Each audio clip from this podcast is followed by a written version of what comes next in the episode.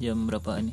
Jam berapa nih jam udah mau jam setengah satu. Uh, kurang 14 menit lagi. Wow udah tengah malam. Kita lagi berkumpul nih. Agak-agak horor ya. Kita kita di lorong yang agak gelap sempit. Penghuninya jarang ada yang keluar. Belakangnya hutan. Nah, hari ini kita coba ngomongin katanya nih.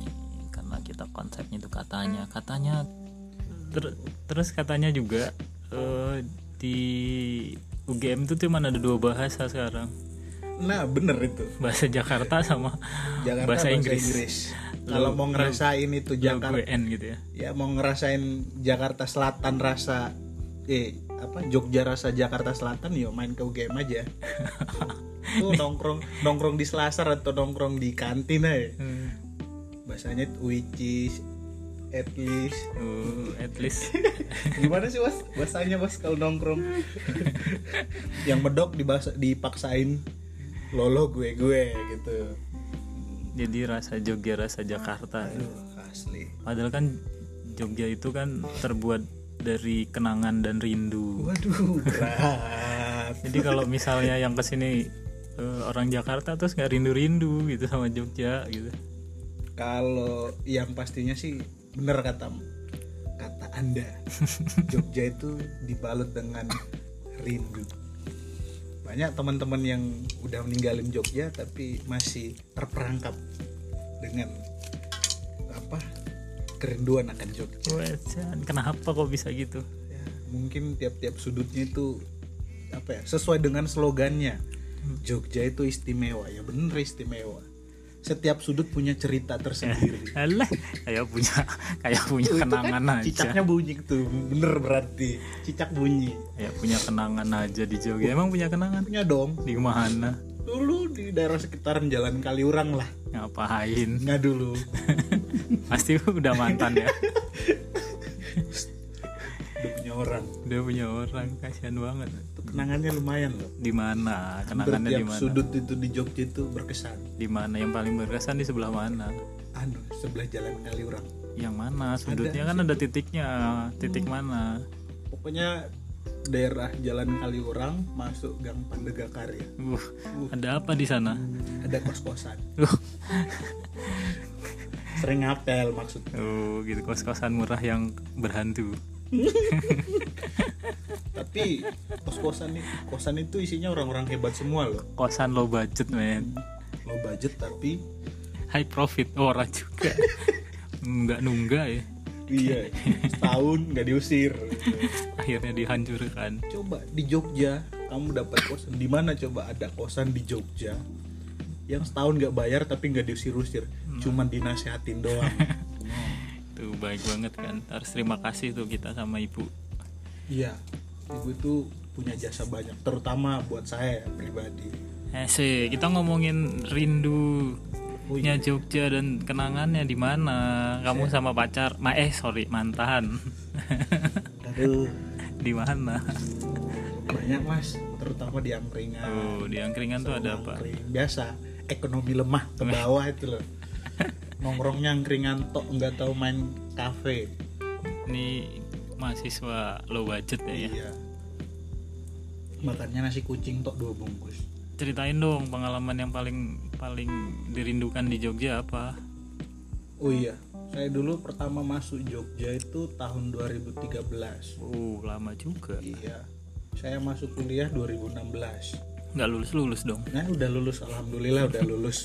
Hampir Udah di DO lulus. hampir DO tapi nggak bat gara-gara corona ini batal wisuda Hmm, kan Hmm, gara-gara corona ini tapi itu yang akan jadi dirindukan besok 10 tahun lagi kan Iya.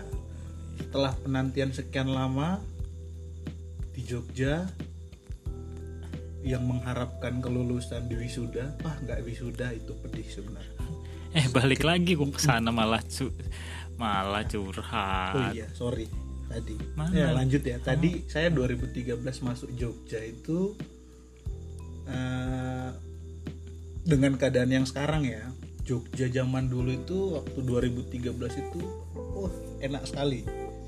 Mulai dari jalannya itu wah lempeng enak jalannya naik motor keliling-keliling nggak macet di mana-mana nggak ada macet zaman dulu setelah 2015 ke atas itu saya udah mulai ngerasain apa ya Jogja itu macet banget deh terus mana? Katanya kenangan yang indahnya di mana? Katanya kenangannya itu macetnya di jalan itu dulu.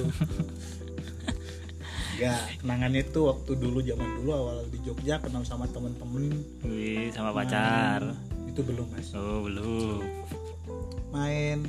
Hampir tiap saat itu main kita nyoba nge-explore tempat-tempat baru di Jogja terutama pantai ya. Di Jogja itu keren-keren sih pantainya buat ngecamp.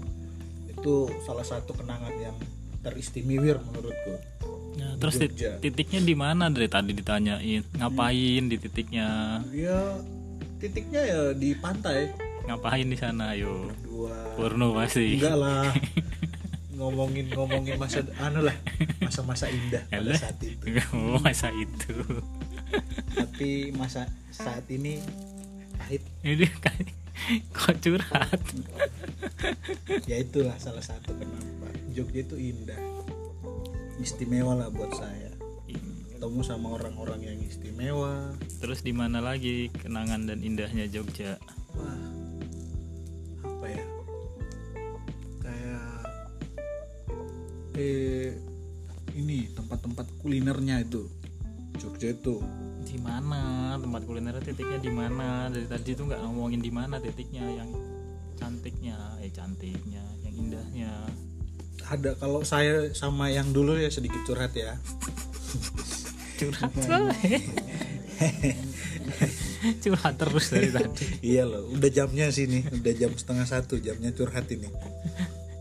Kalau zaman dulu sih saya kulinernya tuh paling senang. Sama yang dulu itu paling senang ini sop kaki kambing. Weh di mana itu? di Jakal deket pasar Kolombo itu. Wih, ada eh, Ingat nggak sop namanya, kaki Pak? kambing Tanah Abang kalau nggak salah. Cabang Jakarta itu. Itu saya biasanya makan pakai babat kaki. Tuh cuman pesen satu mangkok tok makan berdua. Romantis enggak tuh?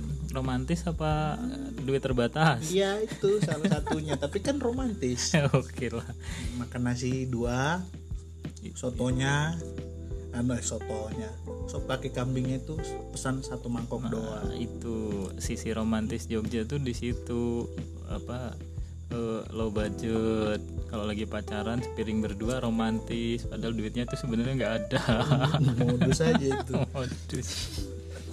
Tapi seru loh. Kayak begitu. Iyalah namanya juga low budget. Maklum mahasiswa anak rantau. Jauh dari kampung. Ya itu aja ngomongan gabut kita malam ini. Sorry ya kalau nggak jelas kayak gini. Soalnya malam-malam ya bingung mau ngapain. Hmm, karena karena memang podcastnya ini adalah obrolan di waktu senggang yang tidak jelas yang kita akan membahas apa-apa aja yang tidak jelas gitu. Oh iya mas sama ini loh. Oh, yang mana lagi nih? mengisi waktu dengan adanya oh iya. ya, berita-berita sekarang. Kita harus meng-lockdown diri Mm, jadi Di rumah. juga kan di rumah. Ya ini hasil kegabutan kita. Oke gitu aja teman-teman. Tetap stay di rumah tetap sehat karena virus mulai menyerang di mana-mana kita Wah, ngomong tadi ini apalagi? belum belum memperkenalkan diri oh loh enggak kita emang nggak usah memperkenalkan Oh, usah ya? diri Mr. X gitu karena kita Mr. misterius X gitu. biar nanti penuh pertanyaan siapa sih masnya itu ya. pengen tahu ya Oke gitu aja. Selamat malam. Ciao.